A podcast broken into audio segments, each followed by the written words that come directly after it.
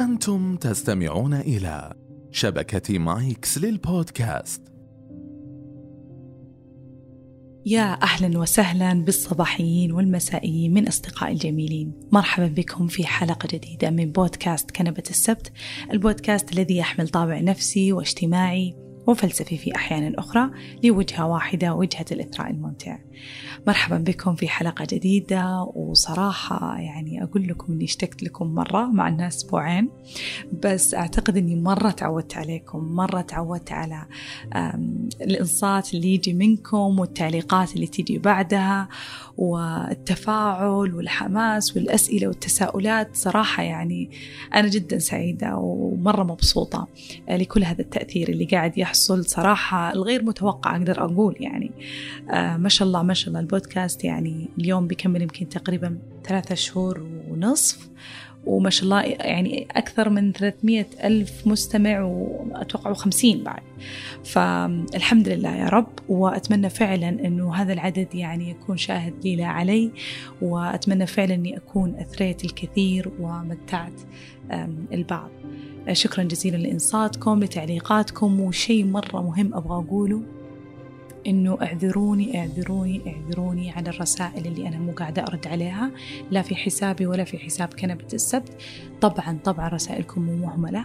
يعني كثير منها أصلا أشوفها لكني ما أجد الوقت صراحة إني أرد عليها. وأنا عارفة إني من أول حلقة أقول ارسلوا تساؤلاتكم بس خلوني أقول لكم إنه فعليا فعليا أنا والفريق نشوف كل الرسائل فنفهم إيش احتياجكم للحلقات القادمة إيش المواضيع اللي تبغونها من أسئلتكم ومن أي أيضا اقتراحاتكم. فيعني فعليا أسئلتكم مو مهملة حتى لو أني ما رديت عليها. وترى أنا قدر الإمكان في كل مرة أدخل تويتر مع أني أدخل فقط من أجل الرفاهية يعني أبغى أكتب وأستمتع إلا أني أجد في العطاء شيء ممتع لكني ما أقدر بشكل كبير. يعني الطاقة لها حدود أيضا والعطاء له حدود. فاعذروني مجددا وما أقدر أوعدكم لكن بإذن الله أحاول أني أجاري وأواكب كل الرسائل الكثيرة اللي أنا ممتنة لها. آه، جدا. طيب عشان ما كثير ناس يقولون المقدمة طويلة المقدمة طويلة. آه طيب خلونا نبدأ في الموضوع. طبعا من أول حلقة إلى آخر حلقة إحنا دائما أو أنا دائما أحب أتكلم في دواخل النفس البشرية. بغض النظر عن بطريقة علمية بطريقة فلسفية بطريقة اجتماعية طالما أنها لمستكم ورأيتم أنكم فعلا أنتم في هذا الطريق فهذا الشيء الحمد لله يريحني ويخليني أكمل على نفس هذا المنوال. فخلونا نتخيل لو كان هذا البودكاست رحلة. كنا متعلقين ثم تخلينا ثم وجدنا السلام في هذا التخلي ثم حاولنا نتزن وفي وسط هذا الاتزان شعرنا بالتأنيب. شعرنا بالتأنيب شعرنا بالأسف على اللي تخلينا عنهم أو اللي أو اللي شعرنا أن إحنا مقصرين بعد ما كنا معطائين وبعد ما كنا نعطي بزيادة يعني. ف إلا أننا وصلنا للاتزان بعد كل هذاك التأنيب. ثم فهمنا إيش الحب وقدرنا نعيش الحب. اليوم أنا أبغى أتكلم عن شيء أكبر من الحب الانتماء. شعور الانتماء. أن تنتمي لأحد أن تنتمي لشيء أن تنتمي لفكرة. أن تنتمي لوطن أن تنتمي لعائلة أن تنتمي لشريك. الانتماء شيء لو وجد عندك بصورة كبيرة وغذيته أكثر وعززته في نفسك أكثر قد تكون كل رحلتك هذه أسهل بكثير كل رحلتك هذه من التعلق وحتى الحب تكون أسهل بكثير. تكون شيء شيء يعني يعني كيف أقول لكم؟ تكون قوة مناعية. مناعة نفسية. إيش هو الانتماء؟ عشان ما أشرح قبل لا نشرح إيش معنى الانتماء. الانتماء طبعا لما أنا أعطيكم المعنى ما ما جبتم معنى زي ما قلت ما هو معنى في اللغة العربية أو في معنى علمي والمعنى ال ال يعني معنى واضح. لو تفتح جوجل حتلقى إيش مصدره إيش مصدره ما يهم. لكن إحنا بنعطي تعريف انتماء. كلكم بتقولون إيه صح هذا الانتماء. الانتماء هو الشعور أو الرابطة العاطفية والإيجابية بينك وبين الشيء الآخر هذا سواء كان فكرة أو كانت زي ما قلت لكم وطن أو كانت مؤسسة أو كانت أصدقاء أو كانت عائلة. الانتماء مو فقط شعور إيجابي ومحبب لا شعور قوي يشعرك أن هذا الشيء ملكك. لما أقول ملكك لا يعني التملك أنه لي فقط أنا لا قد يشارك الكثير معه لكن أنت مؤمن أنه هذا الشيء حيرجع لك حيدعمك حيساعدك في طريقك. أرجع أقول قد يكون شخص وقد تكون فكرة وقد يكون وطن وقد يكون عائلة. فالشعور القوي هذا أكثر من كونه حب فقط. إحنا نحب كثير وناس بإذن الله كثير يحبونا لكن اللي ننتمي لهم أو ينتمون لنا هم قلة. نتكلم عن موضوع الانتماء أكثر في العلاقات. الآن إحنا نبغى نتكلم عن الانتماء بصورة عامة. فالانتماء هو الشعور المحبب واللطيف والإيجابي بينك وبين الطرف الآخر أو الشيء الآخر هذا. ومو فقط يكون مشاعر تعطى وتؤخذ تكون فعلا شعور قوي يعني يسندك ودعم قوي يعطيك وأيضا أجي كلمة مهمة يعطيك أيضا شعور بالأمان الأمان. هنا نحط مية خط تحت الأمان. الانتماء أقدر أحط لها على طول مرادفة سريعة كذا أقول الأمان. أنت لما تنتمي لفكرة أنت تشعر أنك آمن كونك عندك هذه الفكرة. أنت لما تنتمي لشخص أنت تشعر بالأمان مع هذا الشخص. أنت لما تنتمي لمؤسسة مثلا أنت تشعر بالأمان الوظيفي معهم فهمتم إيش الفكرة؟ الانتماء مو, مو فقط مشاعر لا الانتماء شيء فعلي داخلي من ولدنا. من ولدنا عندنا رغبة الانتماء. من ولدنا عندنا حاجة الانتماء. فمن تعريف يجب علينا أن نصدق ونؤمن ونعترف لأنفسنا لحاجتنا للانتماء. يجب علينا أن نصدق ونعترف لأنفسنا لحاجتنا للانتماء. من ولدنا من إحنا أطفال جدا صغار؟ أول ما نولد إحنا الكائن ال- ال- الكائن الحي الوحيد اللي لما يولد إذا لم يوجد care giver يعني شخص يعطيه الأكل الشراب الاحتواء الحضن لو ما في شخص يعطيه سواء أم أب أو خادمة أو في دار أيتام آه، مثلا أي يعني يعني أي أحد يعني آه، من الموظفين ما أعطى هذا الطفل ال ال زي ما قلت المأكل والمشرب الطفل قد يموت. إحنا الكائن الحي الوحيد اللي إذا ترك من ولادته في أول أشهر من حياته في أول أيام من حياته قد يموت. أنتم مستوعبين قد إيش الإنسان بحاجة إلى أن ينتمي إلى كائن آخر حتى يعطيه هذا الكائن السرفايفنج يعطيه يعطيه مقومات الحياة. يعني الإنسان في بداية عمره ما يقدر يعيش. لكن أي نبات أي حيوان آخر لو ولد بدون والديه وبدون أي أحد من حواليه حيعيش. لكن الإنسان لا يستطيع هو بحاجة إلى هذا الانتماء. بحاجة إلى أن ينتمي. مو عشان كذا أقول لكم هو ما هو شعور حب فقط. هو حاجة سند حاجة دعم حاجة حماية. بعدين الانتماء يكبر عندنا ويعني يتشعب. فيصير في أشكال كثيرة للانتماء.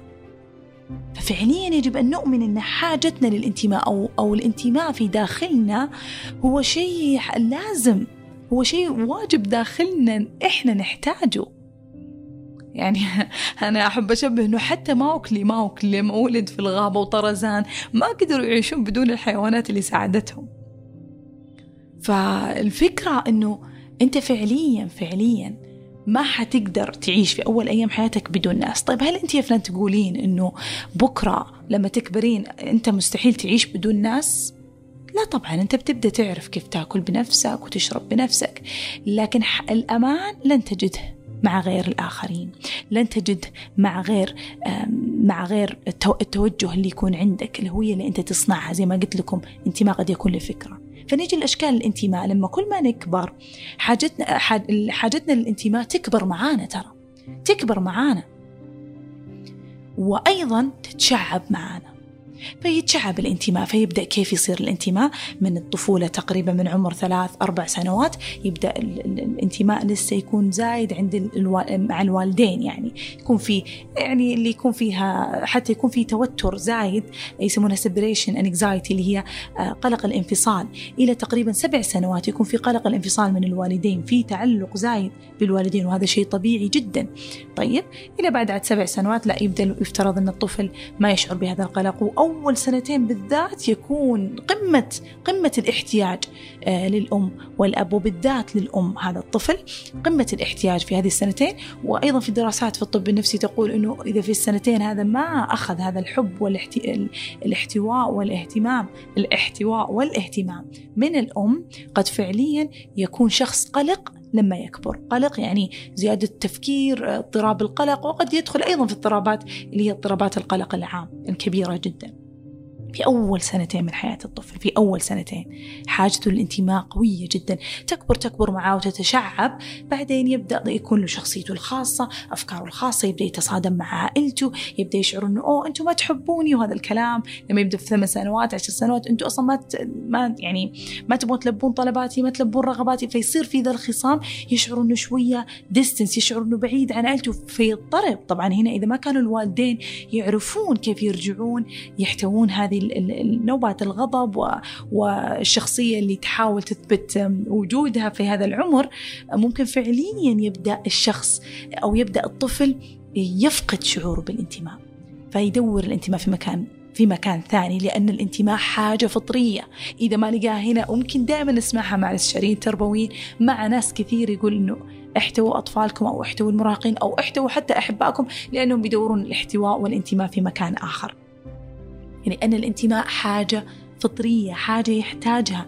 الطفل منه منه صغير وتكبر معنا وتتشعب معنا. طبعا زي ما قلت الأطفال لما يبدأون في عمر المتوسط والثانوي هذا يبدأون مو شرط إنهم يصيرون يعني زي ما قلت ديسكونكت مو شرط إنهم ينفصلون عن انتمائهم العائله لا لكنهم ينتمون أيضا لأشياء أخرى. طبعا هنا نيجي نقول إن الانتماء قد يكون انتماء لعدة أشياء وعدة أشخاص في وقت واحد. إحنا كل ما كان عندك أشياء تنتمي لها أكثر كل ما كنت أكثر سعادة. في الكتاب اللي تكلمت لكم عنه اللي هو أسعد الناس في العالم من الكاتب الدنماركي باحث السعادة قلت لكم إياه أعتقد في حلقة نقل الأهداف. عموما هو كان من الأشياء اللي هي يعني الأشياء الكبيرة اللي تكلم عنها الموجودة في الدنمارك اللي آسف السويد اللي تجعل الناس سعداء كانت منها togetherness اللي هي آه، تواجد الناس مع بعضها تواجد الناس كوحدة واحدة. فتكلم في داخل هذه وطبعا غيرها اللي هي الماني الفلوس والصحة والمال وهذه اللي هي آه، كون الناس مجموعة واحدة وإيش كمان السادسة كانت نسيناها لكن مش مشكلة. عموما أنا الحين أبغى أركز على التوجذرنس هذه اللي هي الوحدة الجماعية هذه. تكلم داخل هذه النقطة قال تكلم عن الانتماء عن البيلونجينج الانتماء. قال إن الشخص لما ينتمي لأشياء لما ينتمي لشيء معين لفريق كورة لأغنية معينة لمطرب معين لفرقة معينة يكون أسعد.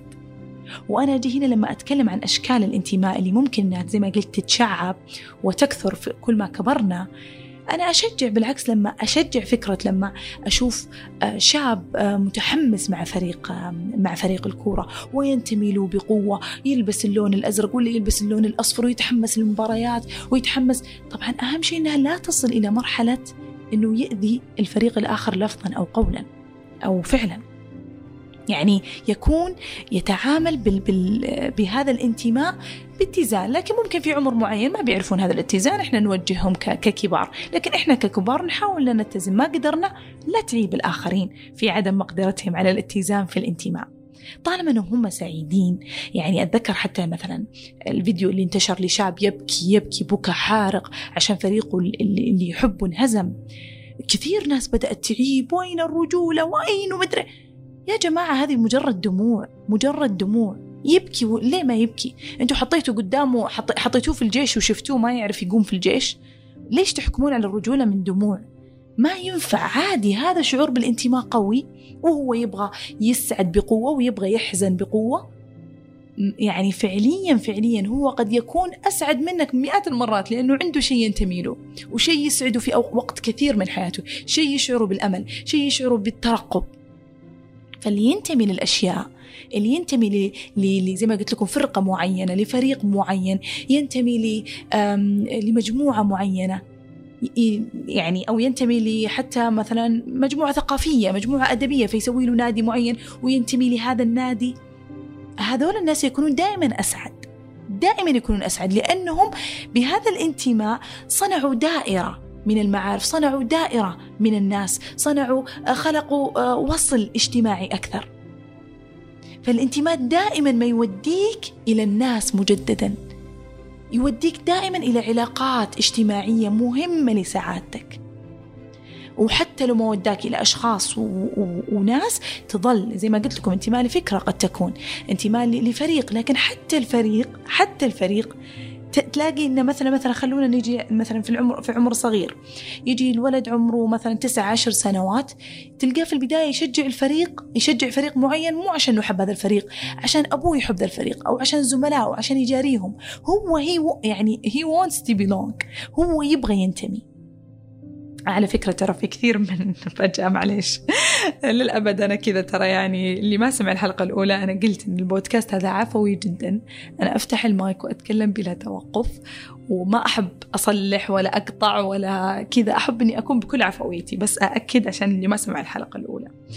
فكنت أقول على أيوة قطعت نفسي عشان أقول إنه في ناس كثير كانت تقول أفنان لا تتكلمين إنجليزي في, البودكاست. أنا والله ما أتذكر صراحة إني أتكلمت إنجليزي كثير بس يمكن بحكم تخصصي وعملي إحنا نتكلم إنجليزي. بس طبعا أنا ما أشوف ان فيها عيب إن الواحد يتكلم لغتين مع بعض طالما إنه بيعبر. بس أبغى اكد شيء إني أنا كل جملة إنجليزية أقولها ترى على طول بعدها أنا أترجم بالعربي. فتأكدوا من هذا الشيء عشان ما تعتقدوا أنه أنا قاعدة أقول شيء أنتم ما تفهمونه. أنا كل جملة إنجليزية أقولها على طول آه، أرجع أترجمها. طيب نكمل.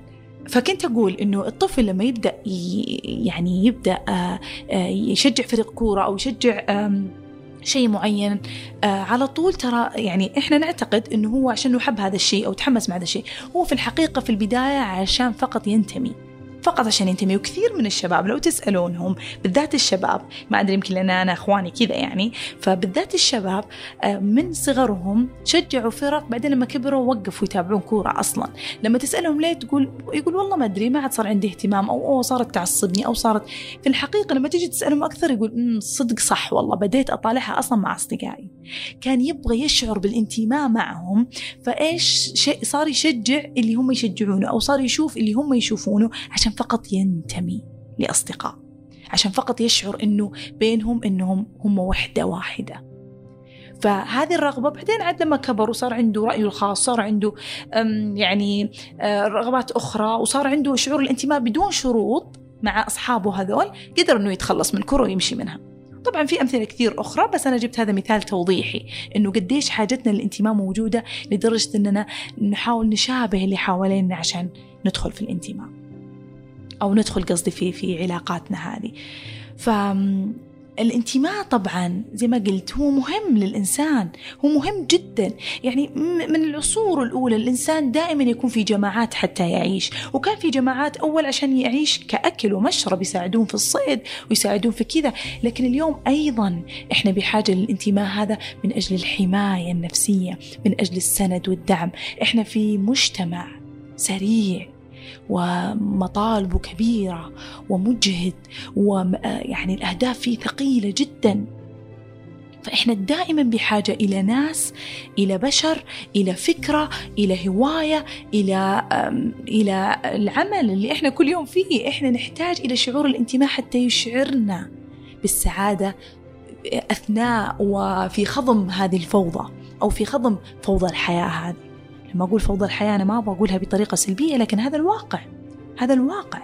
الحياة مليانة تخبطات خصوصا في الآونة الأخيرة مع المجتمع مع المجتمعات اللي قاعدة تضغط آه، تضغطنا بمطالبها أو بمسمياتها للنجاح و و إلى آخره. تكلمت كثير عاد في حلقة ثقل الأهداف عن هذا الموضوع.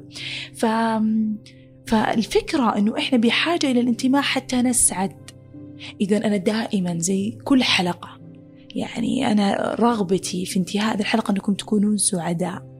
فأذكركم بمفهوم الانتماء حتى إحنا نرجع ننتمي. طب أنا إيش ليش أبغى أتكلم عن الانتماء؟ أبغى أقول لكم أن الانتماء فقدناه مؤخرا فقدناه مؤخرا. الانتماء إلى العائلة الانتماء إلى أصدقاء الانتماء إلى دائرة بسيطة محببة زي الجيرة الانتماء إلى زي فريق معين الانتماء إلى إلى هواية معينة. الانتماء في العمل لما أقول انتماء في العمل يعني يكون عندك زي ما قلت تكون حاب عملك لو مو حاب عملك حاب الناس اللي فيه. تشعر بالأمان فيه.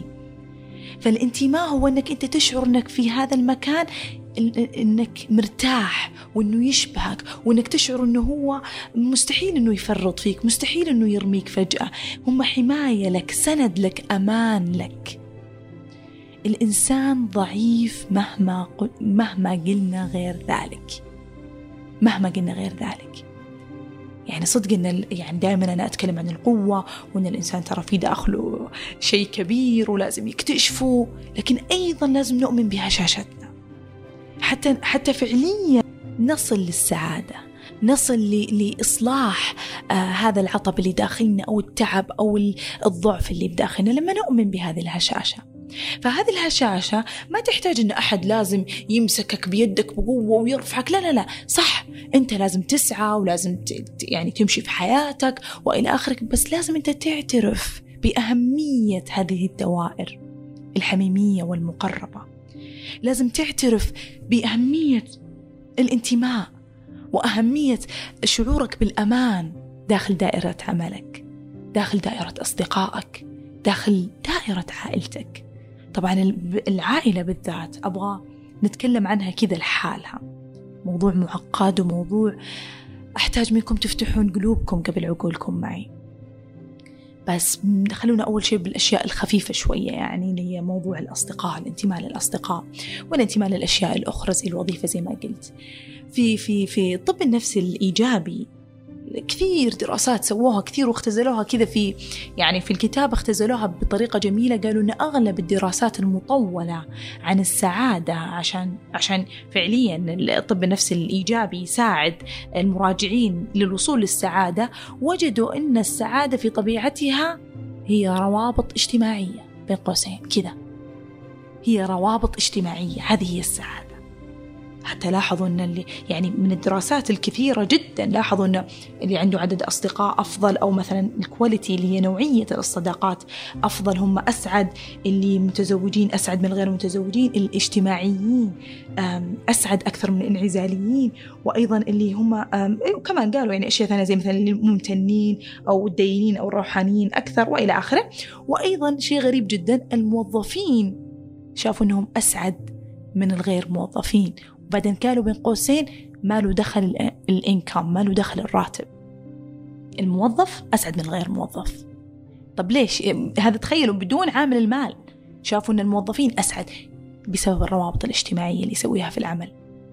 فأنت يجب أن تؤمن أنه, أنه هذه الروابط وأنه هذه الدوائر اللي تنتمي لها قد توصلك للسعادة.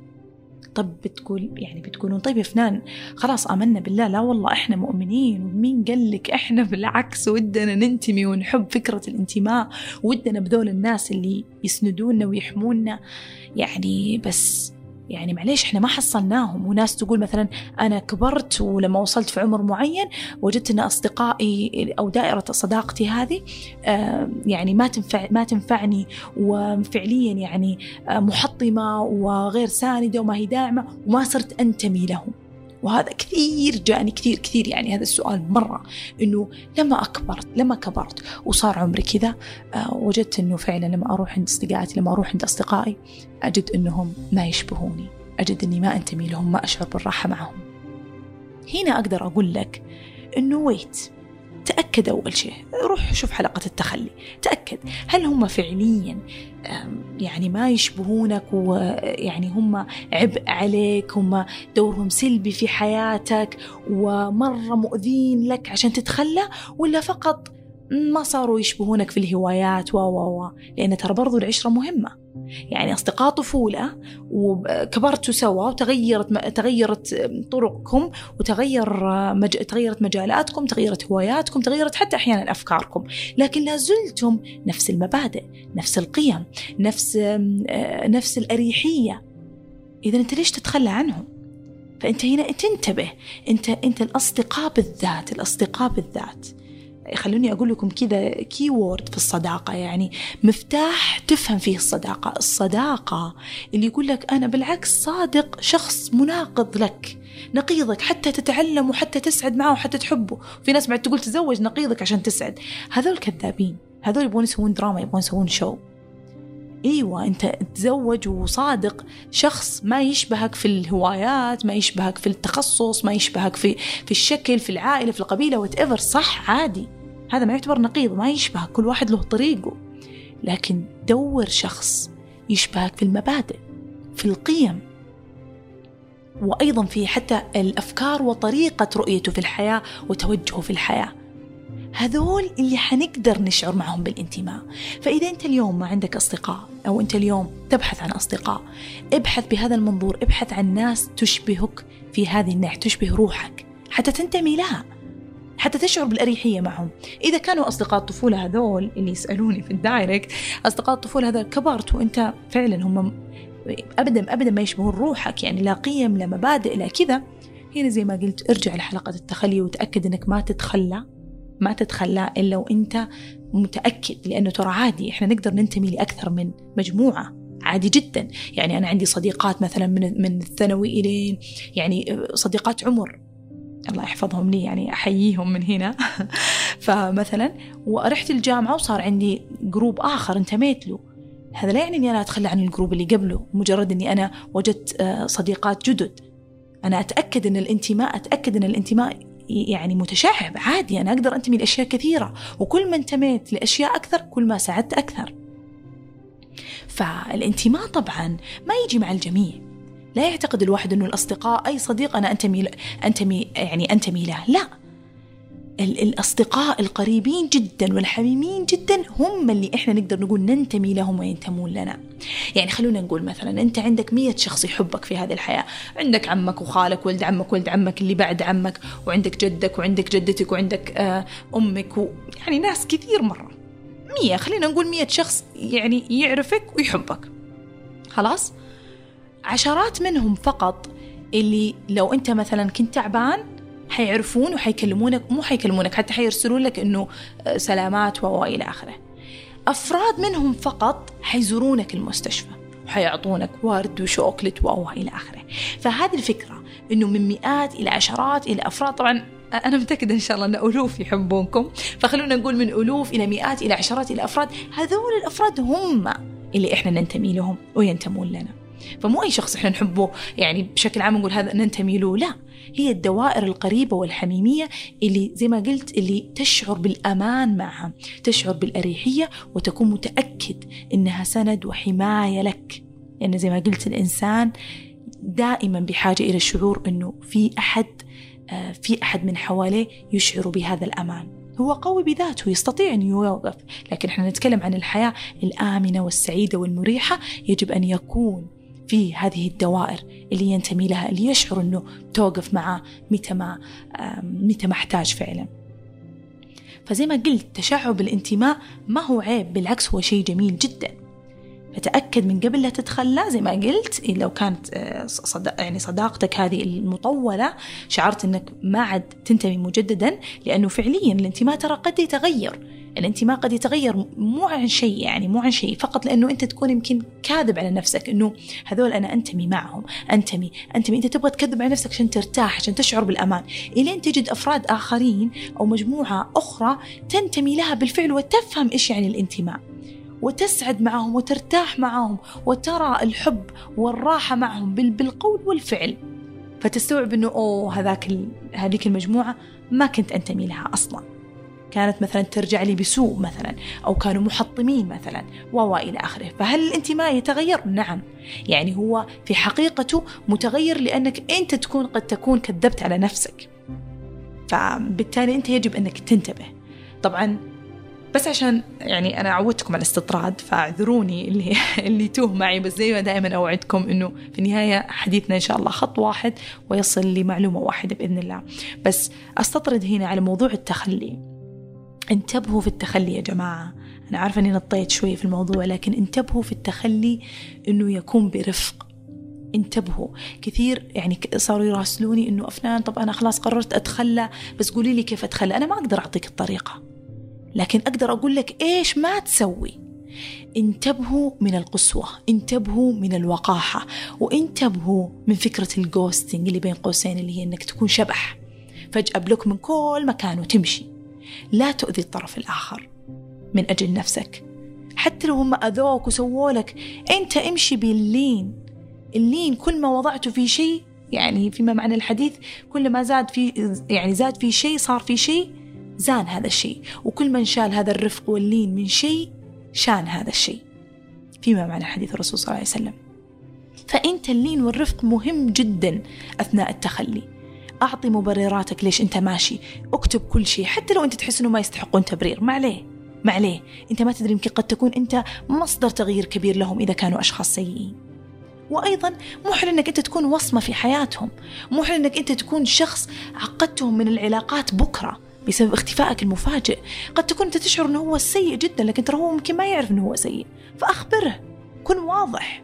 لما تتخلى أرجوك كن يعني لين. ضع الرفق في رسالتك ودائما اترك مكان ما فيه بلوك.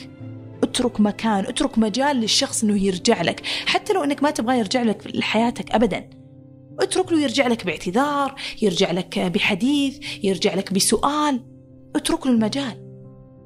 لو من برنامج واحد فقط وأعلمه لازم يعرف أن هذاك البرنامج هو ما هو فيه block. حركة ال ghosting هذه والشبح تؤذي الكثير يا جماعة تؤذي الكثير. فأنتم ما تبغون تكونون يعني وصمة سيئة في حياة الآخرين.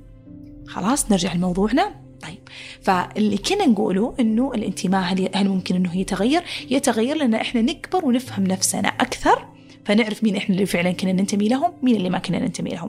فتكلمنا عن الأصدقاء وفهمناكم أو فهمنا سوا إنه إن الانتماء للأصدقاء شيء مرة مهم وشيء جميل ومن الصغر إحنا نحاول نجاري أصدقائنا في إيش يحبون وإيش يبغون يسوون وإيش يبغون عشان إيش؟ عشان ننتمي لهم. فالآن اليوم وإحنا كبار من عمر أكيد اللي يسمعني 16 سنة وفوق كلنا بحاجة للأصدقاء كلنا بحاجة للأصدقاء. وأرجع أقول أن في الطب النفسي الإيجابي دراسات مطولة وكبيرة حكت عن هذا الشيء. في أحد الدراسات كانت دراسة هارفارد يعني 75 سنة أخذوا عينة من الناس كثيرة كبيرة أعتقد أنها كانت 1700 وصاعد. ف فمشوا معاهم بعلامات حيوية وفحوصات مختبرية ويعني شافوا صحتهم النفسية والجسدية خلال ال 75 سنة تخيلوا. كبروا مع هذول البارتيسيبنت هذول المتشاركين. وجدوا إن أسباب السعادة كانت الفكرة منها إنه إيش سبب السعادة؟ سبب السعادة الأول هي العلاقات المقربة والصحية. كذا. مو الحب واللوف العاطفي ولا لا لا العلاقات المقربة الصحية يعني سواء زوج أطفال جيرة صداقة راعي البقالة اللي أنت معاه تسولف معاه كل يوم ولا راعي القهوة اللي أنت تسولف معاه كل يوم لمدة عشرين سنة. هذه هي. هذه هي العلاقات المحببة.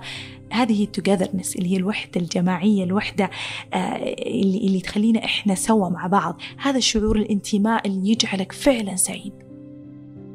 فأنت لما تشعر أحيانا بأن مزاجك شوية متعكر لا تعزل نفسك أكثر من أنك تروح تتكلم مع أحد. روح تكلم مع أحد أنت معتاد أنك تتكلم معه دائم. شوف كيف حيختلف معك الأمر. حتى لو أنت تقول لا أنا طبعي أنا أنفس أنا أحب أني خلاص أسكت وأكتم. جرب تغير هذا الطبع شوية. أتذكر أني قلت لكم في أحد الحلقات أنا ما أبغى أغيركم جميعا ما نبغى نكون كلنا شخصية واحدة لازم نكون اجتماعيين لا.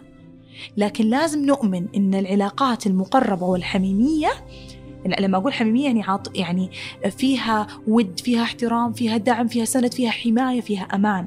فقد تكون مع العائلة قد تكون مع الأصدقاء قد تكون مع الشريك ومع الأطفال ومع الأبناء يعني. فهذه العلاقات مهمة جدا. ما لها دخل كونك اجتماعي انعزالي ما لها دخل. ما لها دخل لازم تكون في حياتك. حتى لو أنت إنسان ما تطيق الناس تأكد إنه يكون عندك دوائر تنتمي لها. فخلصنا كذا من موضوع الأصدقاء. مهمين جدا. والله يحفظ لنا أصدقائنا وكل اللي قاعد يسمعني وقاعد يفكر الآن بأصدقاء عدد من الأصدقاء في رأسه. الله يحفظهم لكم.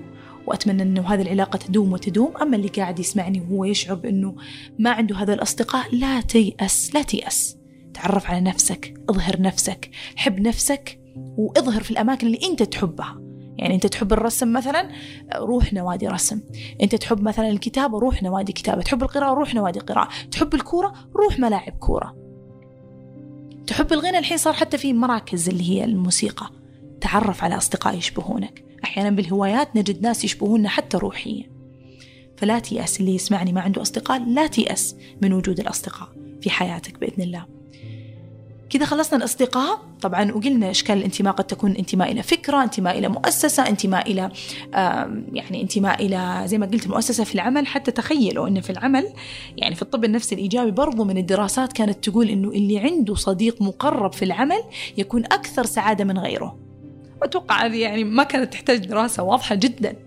بس يعني عشان نفهم أنه شعور الانتماء شعور الانتماء لأحد ولمكان ولزمان اللي خلونا نقول لمكان والأشخاص مو لزمان. آه هذه تشعرك بالسعادة وهي طريق إن شاء الله للسعادة. أما بالنسبة للعائلة هل يتغير انتمائنا للعائلة؟ أقدر أقول لكم لا. العائلة من الأشياء الثابتة. هي جزء منك. جزء لا يتجزأ منك انتهى. جزء موجود. أنت ولدت بالاسم الفلاني أنت ولدت بالمكان الفلاني. هنا نجي يمكن نقدر نقول عن الهوية. أنا ما ما بدخل في موضوع الهوية. الهوية يعني موضوع مطول ومفصل لكن في في تعريف كثير للهوية. يو فلاسفة عرفوا العلماء عرفوا كل أحد تكلم فيها. لكن من أفضل التع... من أفضل ال... من أفضل من تكلم عن الهوية قال إن الهوية مجزأة.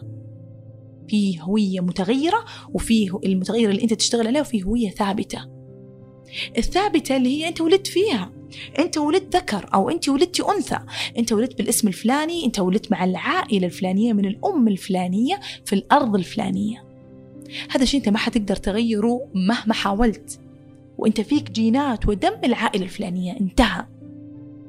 إذا العائلة هي الشيء اللي إحنا ننتمي له حتى الممات. طب ليش هذه الأيام؟ صار مو هذه الأيام طبعا هي من زمان بس خلينا نقول أنه الآن اللي يسمعوني كثير منهم فقدوا شعور الانتماء مع عائلتهم. فقدوا شعور أن العائلة هذه تحمي زي ما قلت وأنها أمان وأنها سند.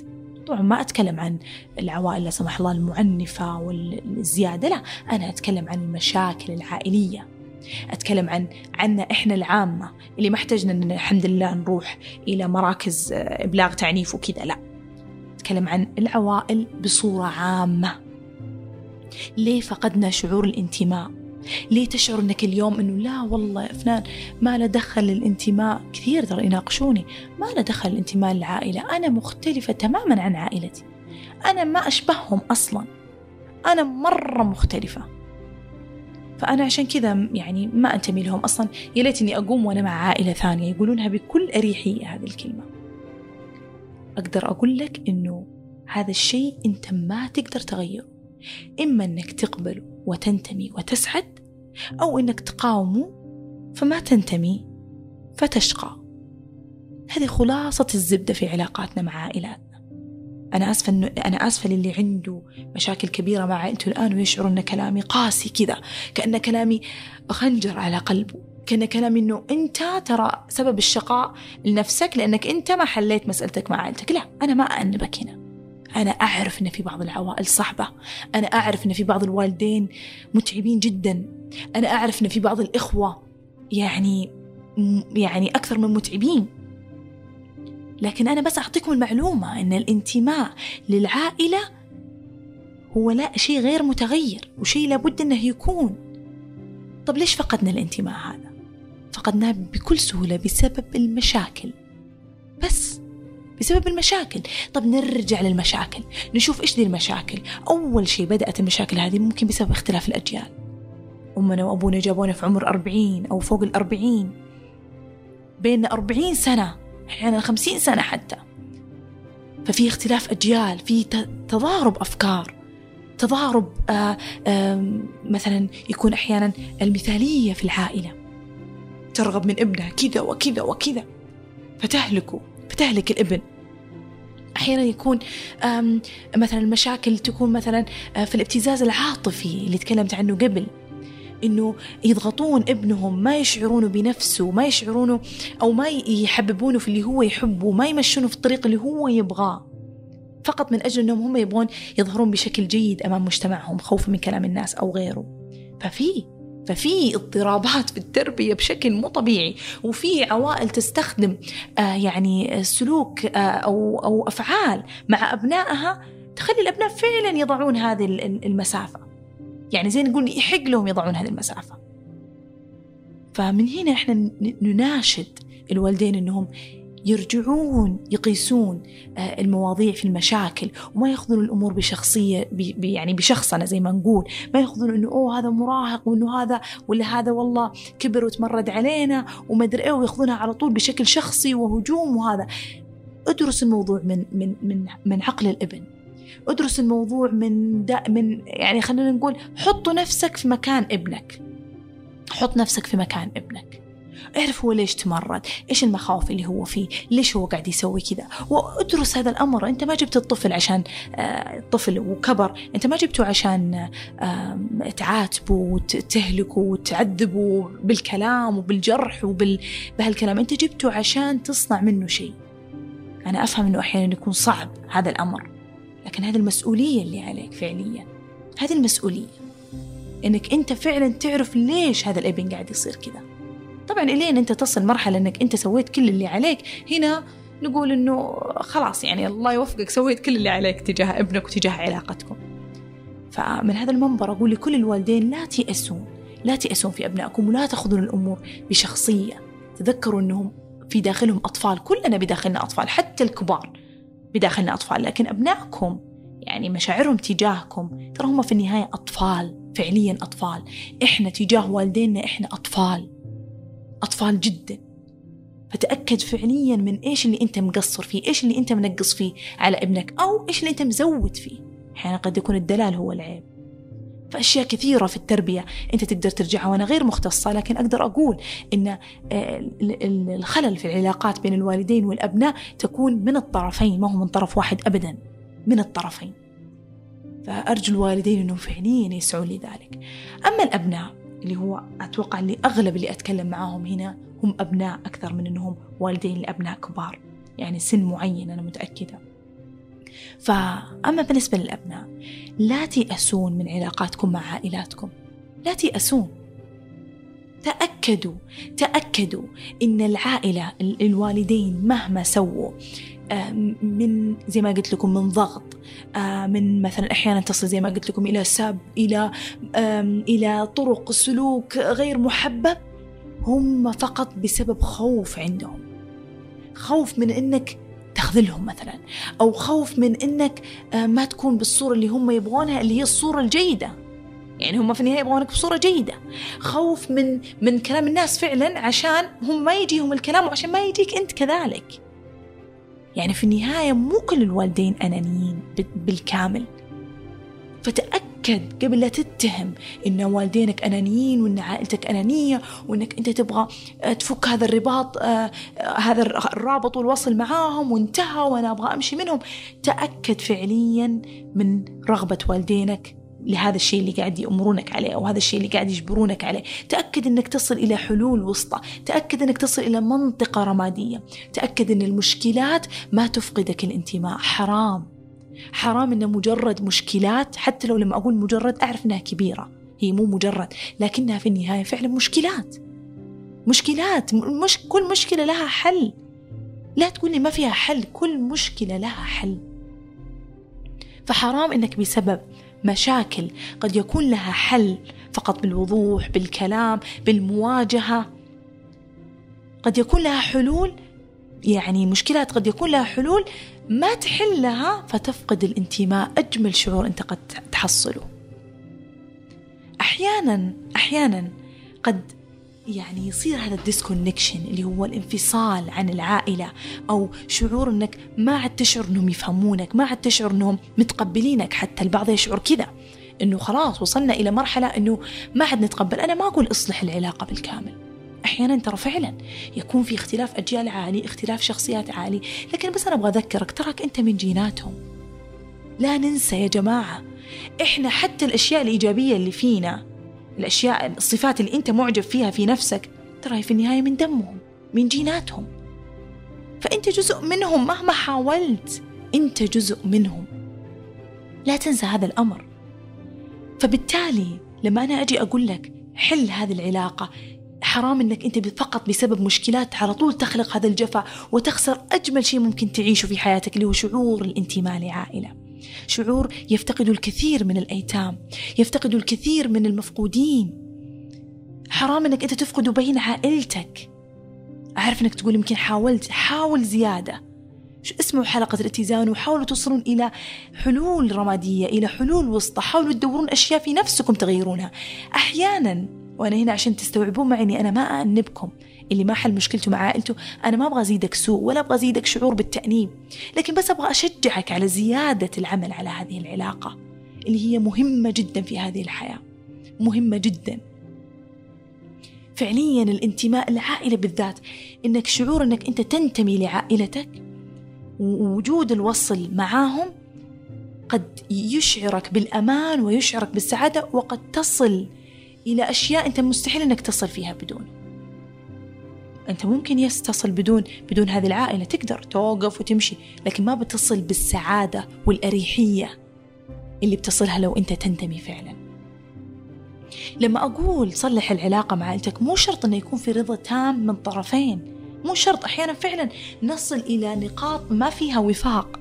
لكن نقدر نسوي منطقة رمادية يكون فيها شيء اسمه تقبل تسامح.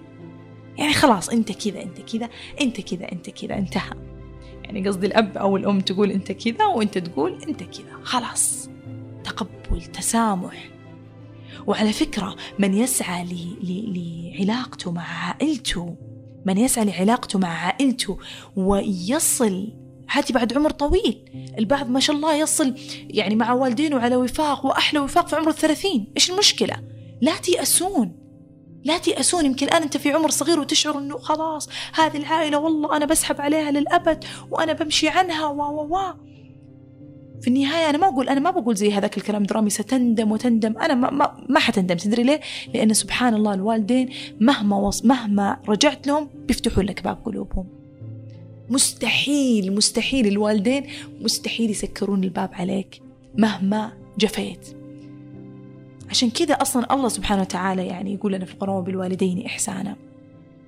لأنه إحنا اللي لازم نحسن لأنهم هم ترى مستحيل يسكرون الباب تماما. خلاص إحنا يعني في قلوبهم فعلا. وأكيد أنهم هم في قلوبنا لكن للأسف زي ما قلت في عمر معين وفي مشاعر معينة وفي شخصيات معينة يبدأون يخرجون الوالدين تماما من قلوبهم ويرمونهم بعيد. هم يعتقدون أنهم قويوا بهذه الطريقة لكن هم بالفعل قاعدين يهتزون قاعدين يكونون, يكونون أكثر هشاشة. لأن شفتم الطفل الصغير اللي تكلمت عنه أول اللي لازم ياكل ويشرب عبر أمه وأبوه هو نفسه أنت اليوم وأنت بدون عائلتك قاعد تموت شوي شوي. الشخص بعيد عن عائلته يشعر أنه في دائما شيء ناقص. يشعر أنه في دائما شعور هو لم يكتمل في داخله. والدليل أن الأيتام مثلا في دار الأيتام دائما يبحثون عن عائلتهم. دائما. فيلم Lion اللي ما شافه فيلم هندي رائع جدا وقصة حقيقية. الطفل اللي فقد في عمر ست سنوات. تبنوه عائلة جميلة وتعطيه كل الحب وكل الحنان وخلوه يدرس في أفضل مدارس. كان في بنغلاديش. فيلم Lion الهندي الصغير هذا كان في بنغلاديش. يعني وفي مدينة فقيرة وأمه وأخوه يعني يأكلون الخبزة في اليوم ويحاولوا يعني أفقر شيء. لأنه كان عائلة. أخت صغيرة وأخ كبير وأم. لما فقد بالغلط وكذا وضاع وراح لعائلة في أستراليا. ربته أحلى تربية وعاش وانبسط ووظيفة وفي الجامعة لما وصل في الجامعة رغب أنه يرجع بنغلاديش يدور عائلته. نسيت والله بنغلاديش ولا الهند. عموما يبغى يدور عائلته لأنه هو يشعر أنهم جزء منه.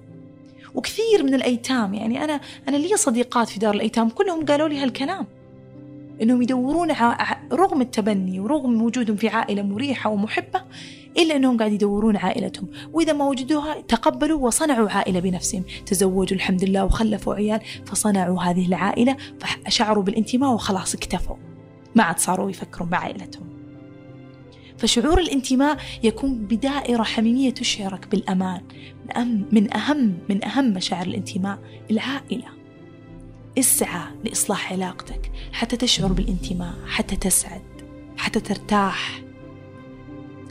أرجوكم أنا ما أبغى ما أبغى أحد يطلع من هذه الحلقة وهو يشعر كأني أنا عاتبتكم إنه علاقتكم مع عائلتكم مو كويسة. كلنا في فترة من حياتنا صارت إن علاقتنا مع عائلتنا مو كويسة بشكل أو بآخر.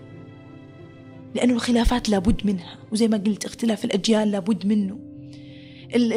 الأفكار المغايرة لابد منها لكن اسعوا. اسعوا لإصلاح هذه العلاقة.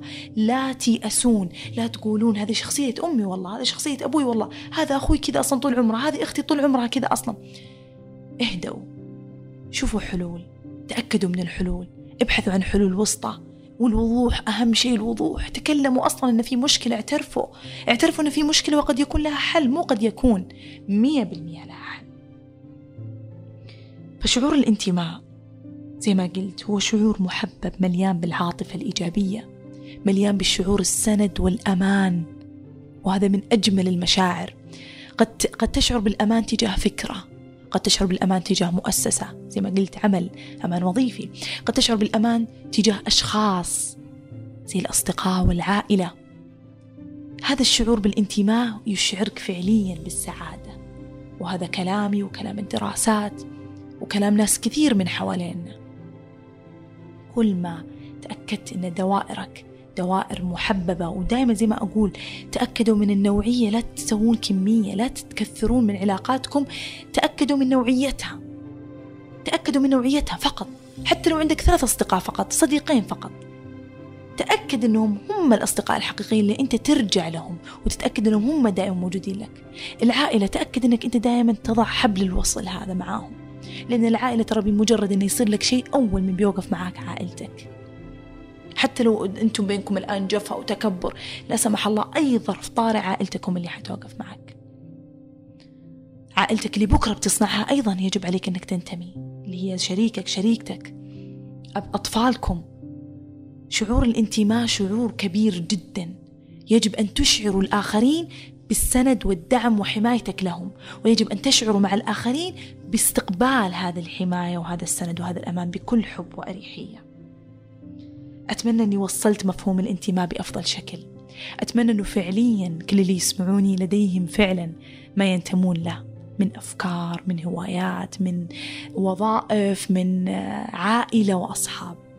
أتمنى فعلا أنكم ما تضطرون إلى السعي الشديد. أتمنى أنه تكون كلمة واحدة منكم. ورغبة فقط ونية فقط وإرادة فقط تجعل من الانتماء يرجع لحياتكم بشكل كبير جدا فتسعدون. كل الشكر لإنصاتكم إلى آخر هذه الحلقة. أتوقع أني بدأت أتعود أني أتكلم معاكم إلى ساعة تقريبا ولا أتوقع أنكم ترضون بأقل. شكرا لإنصاتكم شكرا لحبكم شكرا لدعمكم. وشكرا لكل التعليقات الجميلة والرائعة. يعني فعلا فعلا أصدقائي ما تتصورون قديش تعليقاتكم ما أفوت تعليق واحد يمكن أغلبها أسوي لها رتويت ولايك وكذا لكن حتى اللي في أبل بودكاست اللي يعني أقرأها والله أقرأها بكل حب وأستمتع وأسعد وتخلقون البسمة فيا. وأكثر من هذا تشجعوني في كل مرة يجيني عجز عن الكتابة محتوى محتوى حلقة أو العجز عن الحديث تحت المايك. تشعروني بالحماس وتشجعوني إني فعلا أمسك المايك وأتكلم. أحبكم وأتمنى لكم كل السعادة والراحة وإلى سبت قادم بإذن الله. إلى اللقاء.